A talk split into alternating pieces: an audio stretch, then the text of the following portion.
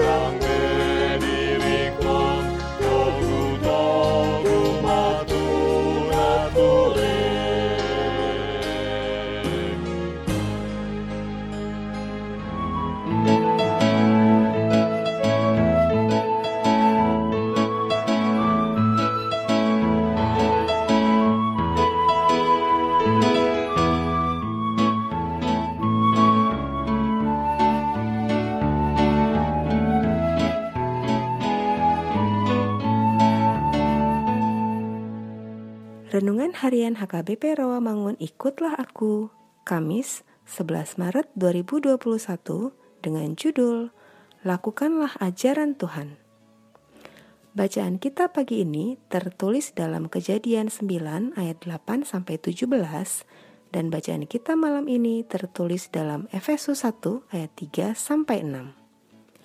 Dan kebenaran firman yang menjadi ayat renungan kita hari ini ialah Matius 7 ayat 26 yang berbunyi, Tetapi setiap orang yang mendengar perkataanku ini dan tidak melakukannya, ia sama dengan orang yang bodoh yang mendirikan rumahnya di atas pasir. Demikian firman Tuhan. Pengajaran khotbah di bukit kepada kita orang beriman merupakan pengajaran yang membedakan kita dengan dunia ini.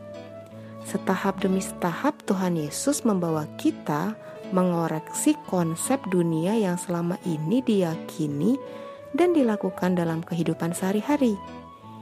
Ini adalah konsep baru yang belum pernah ada dari zaman Adam, Sokrates, Konghucu, sampai zaman Tuhan Yesus melampaui semua pemikiran yang pernah muncul dalam sejarah, melampaui semua yang pernah diajarkan oleh semua filsuf, kebudayaan, agama, dan aliran mana pun.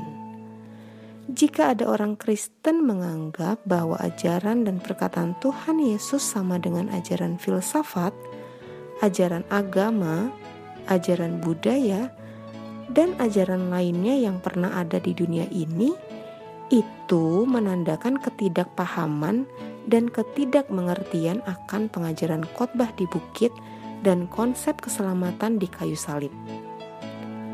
Bagaikan mendirikan rumah di atas batu dapat kita baca dalam Matius 7 ayat 24, kita harus menerapkan ajaran Tuhan Yesus dalam kehidupan kita sehari-hari. Ajaran yang telah kita pahami dan mengerti melalui Roh Kudus menjadi sebuah rumah yang kokoh. Namun, kita tidak cukup hanya mengerti dan memahami, tetapi juga harus percaya dan mengimaninya, sehingga akan tumbuh menjadi buah roh. Dapat kita baca dalam Galatia 5 ayat 22 sampai 23 yang tercermin dalam kehidupan kita sehari-hari.